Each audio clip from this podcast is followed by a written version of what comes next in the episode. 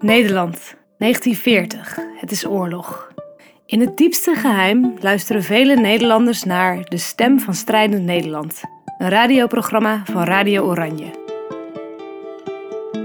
Aan allen die met aandacht de gebeurtenissen volgen, moet het duidelijk zijn dat het meer dan ooit ons aller plicht is alle krachten in te stellen om steeds gereed te zijn voor zoveel in ons vermogen ligt op het juiste ogenblik een vijand te bestrijden. Je hoorde koningin Wilhelmina vanuit Londen.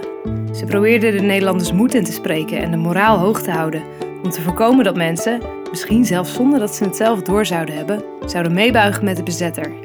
Ze riep haar volk in duidelijke taal op tot verzet. Wie op het juiste ogenblik handelt, slaat de nazi op den kop. Mijn naam is Anne van Maurik en in deze podcast ga ik op zoek naar de context en de betekenis van verzet. Vroeger en nu. 2018 is het jaar van verzet. Dat betekent dat er dit jaar extra veel aandacht wordt besteed aan de rol van het verzet tijdens de Tweede Wereldoorlog. Waarom? Omdat verzet van toen misschien wel inspiratie kan geven voor nu. We kennen natuurlijk genoeg interessante verhalen over het verzet. Over mensen die, zoals koningin Wilhelmina het net zei, de nazi's op hun kop sloegen. Mensen die Joden hielpen onderduiken en illegale kranten verspreiden. Maar hoe kunnen we deze daden van het verzet uit een tijd van oorlog nou precies toepassen op nu? En bovendien, deze verhalen geven nog geen inzicht in de manier waarop dat verzetten nou precies werkte. Hoe kwamen mensen in actie?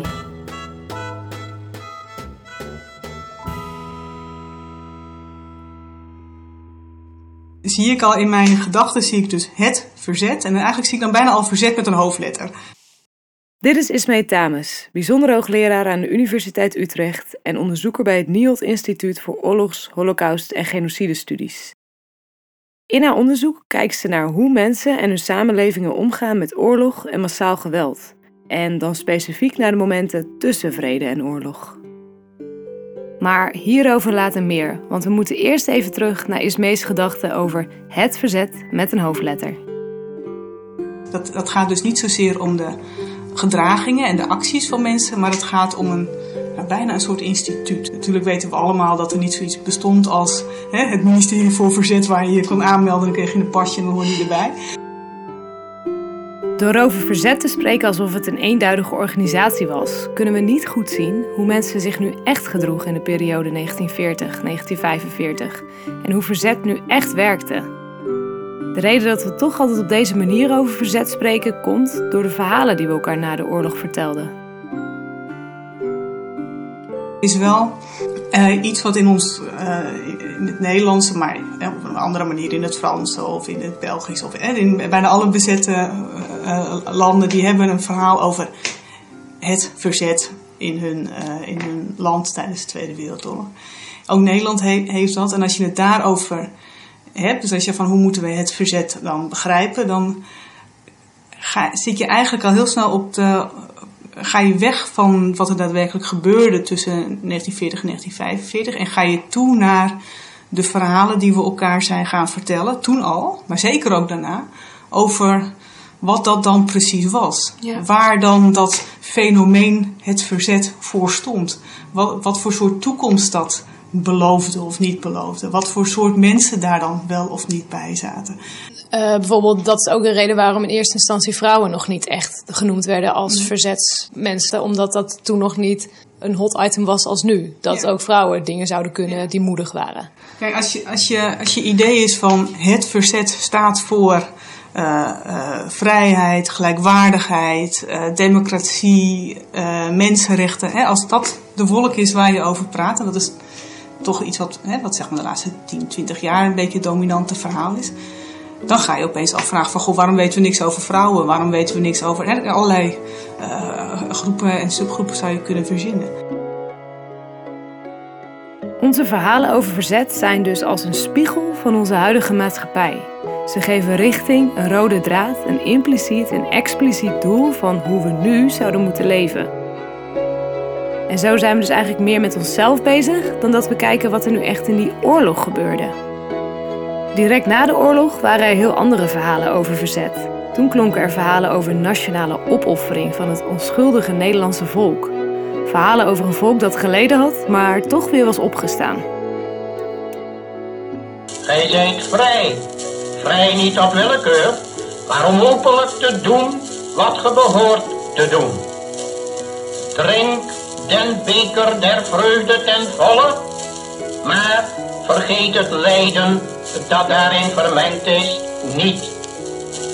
Laat ons gedenken, te midden van de blijdschap, de doden en doodgemartelden die in bloedende strijd en in afschuwelijke foltering het zaad moesten zijn waaruit onze vrijheid ontkiemen kon.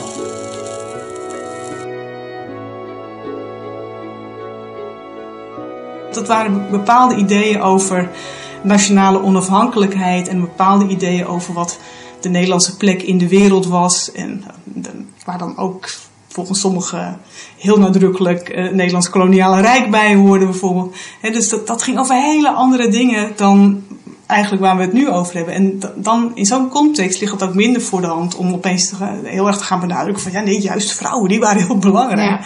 Ja. de vrouw speelde een totaal andere rol in de samenleving toen, in die hele discussie. Shoppen in een supermarkt met verzetsgeschiedenis dus. In de jaren 50 kozen we vooral de verhalen over Nederland als slachtoffer en overwinnaar van het kwaad van Nazi-Duitsland. En nu pikken we de verhalen over democratie en gelijkheid eruit. Hoe komt het dat dit zo werkt? Eigenlijk denk ik wel eens, en dat klinkt een beetje cynisch, maar zou je kunnen zeggen van vanaf de bevrijding is, is de, is, zijn de verhalen over verzet gebruikt om de heersende machtsstructuren te legitimeren. Dat klinkt een beetje academisch, maar het gaat dus eigenlijk over van uh, verzet is uh, datgene wat zich dus tegen het onrecht heeft gekeerd, dus tegen Nazi-Duitsland heeft gekeerd, dus wat goed is. En uh, degenen die nu de baas zijn, kunnen zeggen wat dus het verzet was. En daarom was het dus in 1950 een ander verhaal dan het nu is. Maar op een bepaalde manier is het nu nog steeds. De, de, er is een, een soort politieke uh, overtuiging over wat, waar verzet voor zou moeten staan en waarom we er nu nog een voorbeeld aan zouden moeten nemen. Verzet uit de Tweede Wereldoorlog biedt dus een gemeenschappelijk verhaal van wie wij zijn als Nederlanders. Het verbindt en verenigt ons. En omdat verzetsmensen voor de goede zaak vochten, plaatst deze omgang met deze geschiedenis ons tegelijkertijd, heel comfortabel, aan de goede kant. dus als nu de Nederlandse overheid zegt van uh, democratie en uh, vrijheid van meningsuiting, dat zijn allemaal hele belangrijke dingen. En dat is waar het verzet in de Tweede Wereldoorlog voor stond. En als wij dan allemaal zeggen van ja, inderdaad, dan is er een, een, een balans tussen wat de staat wil dat zijn burgers vindt en wat de burgers uh, accepteren van de staat. Dus het is een soort legitimatie. Hè, verzet functioneert dan eigenlijk, of fungeert dan eigenlijk als een soort uh, draaischijf van legitimatie. We kijken naar verzet uit de Tweede Wereldoorlog door een brilletje dat bedoeld is om de heersende machtsstructuren, democratie, de rechtsstaat en gelijkheid te rechtvaardigen. Maar op die manier zien we niet hoe de geschiedenis er nou echt uitzag. Als we wat willen leren van verzet uit de oorlog, dan moeten we juist die bril even afzetten en kijken wat er nu echt gebeurde. Interessant is bijvoorbeeld om te kijken naar hoe mensen zich gaan gedragen wanneer ze te maken hebben met grootschalig geweld en oorlog. Wanneer verzetten ze zich en hoe komt het dat ze zich verzetten? Hadden ze misschien al eerdere ervaringen met oorlog en onderdrukking en daardoor een beter idee van wat er nu precies gebeurde? Of werden ze misschien ergens persoonlijk doorgeraakt? Dit laatste was het geval bij de Duitse Otto en Elise Hampel. Het verhaal over hun verzet tegen de oorlogsmachine van Hitler laat goed zien hoe mensen in verzet konden komen en hoe dat verzet dan precies vorm kon krijgen.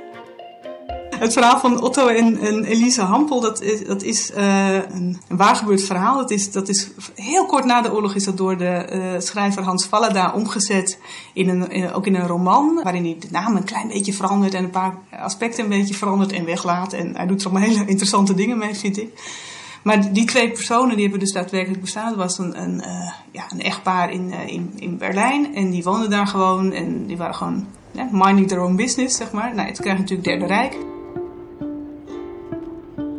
Daar waren ze niet zo mee bezig, maar ze waren toch ook weer niet heel erg ze deden wel een beetje mee, maar ook weer niet heel erg. En ze deden, gingen er ook weer niet heel erg tegen in. Waren, je zou kunnen zeggen, de mensen die. Gewoon de, de, de, kleine mensen die doorrommelden. Hè? Otto ging iedere ochtend naar de fabriek. En uh, Elise was ook heel haar eigen, was huishouden aan het doen. En gewoon het eigen dingen aan het doen. En wat, wat mij zo fascineerde aan, uh, eerst aan het boek, maar later ook toen ik meer ging kijken naar hun, wat er aan, aan historische bronnen over hun uh, te vinden is, is hoe dit mensen zijn die absoluut niet uh, heel erg politiek bezig waren. Ook echt niet dachten van nou we moeten een andere wereld en die moeten zo uitzien en dan grootste visioenen bij hadden. Of, of daar, daar, daar is niks over terug te vinden althans. En wat je wel ziet is dat er op een gegeven moment iets gebeurt in hun leven. Namelijk dat uh, de, jongere broer van Elise, die is soldaat, die zit in de Weermacht. En die komt om, als ik me goed herinner, in Frankrijk. Aan het begin van de, van de oorlog. De dood van Elise's broer, die Koert heette, duwde tot dan toe onverschillige stel de oorlog in. Elise was ontroostbaar en woedend. Ze had nog wel op die Hitler gestemd, maar nu lagen de kaarten er plots heel anders voor. Ja, ze was echt zo'n typische grote zus die eigenlijk... Uh, ze was een soort halve moeder voor die, voor die jongen geweest. Door de plotselinge dood zag het stel in wat voor onveilig en onrechtvaardig systeem ze eigenlijk leefden.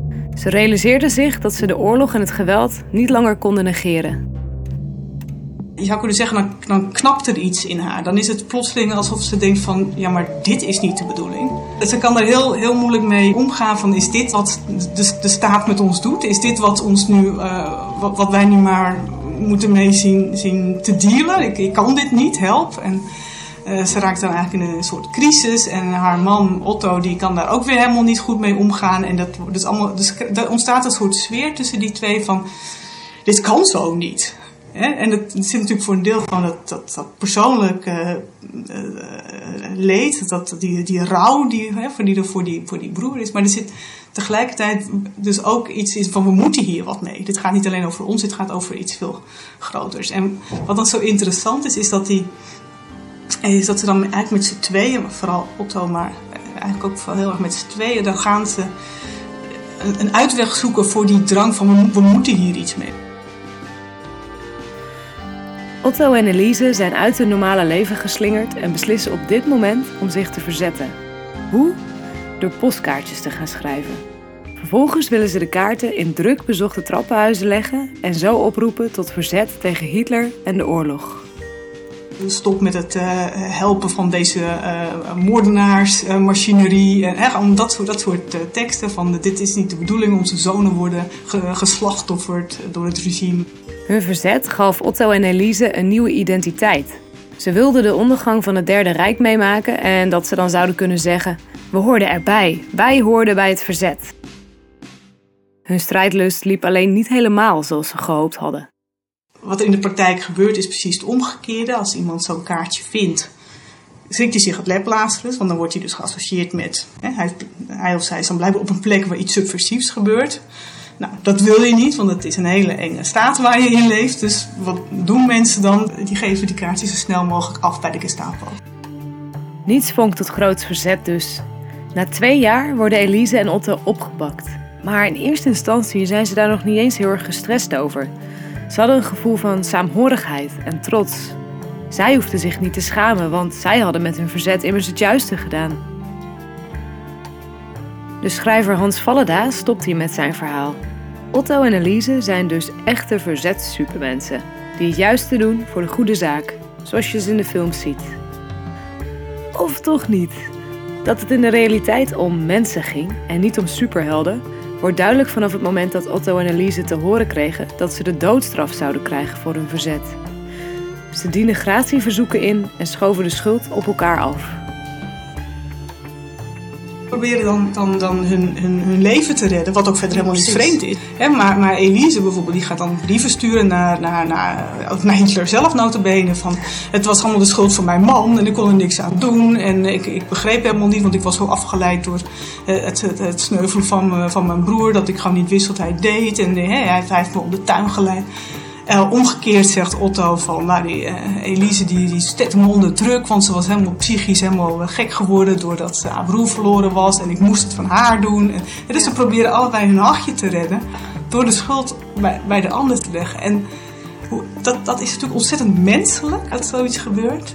Maar het paste blijkbaar volgens Vallada, paste dat dus niet in het verhaal. Dus zelfs niet in het verhaal over de kleinschalige menselijke pogingen tot verzet van kleine mensen. Die, eh, wat, eh, want je ziet heel duidelijk dat hij niet een heroïsch verhaal wil gaan schrijven.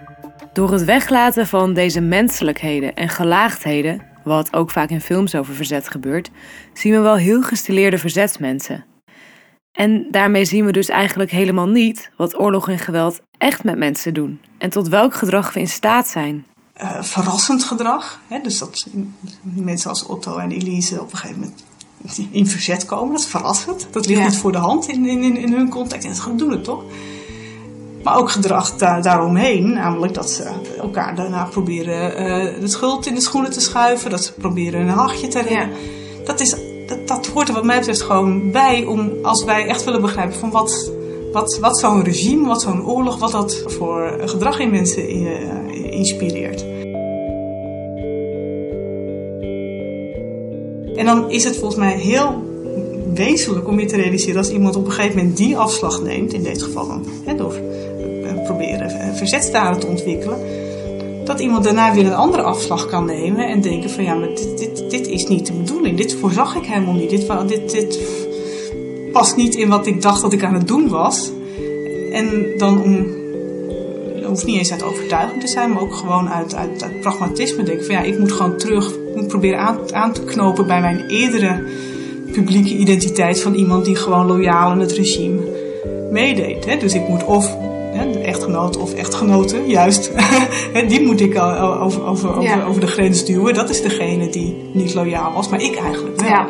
dus ik, kan ik proberen nog weer aan te knopen bij die, uh, bij die identiteit. Daar hoef je niet eens echt in te geloven, maar wel dat je denkt van, is dat mogelijk om mezelf op die manier weer in het systeem te krijgen? Gewoon uit, uit.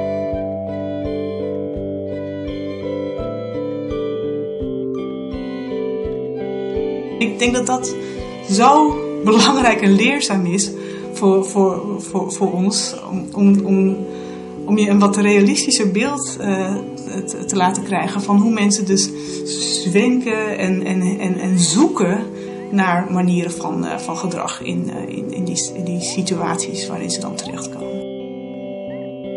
De geschiedenis is eigenlijk gewoon een beetje een rommel.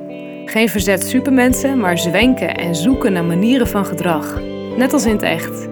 Niet minder moedig, maar wel menselijker.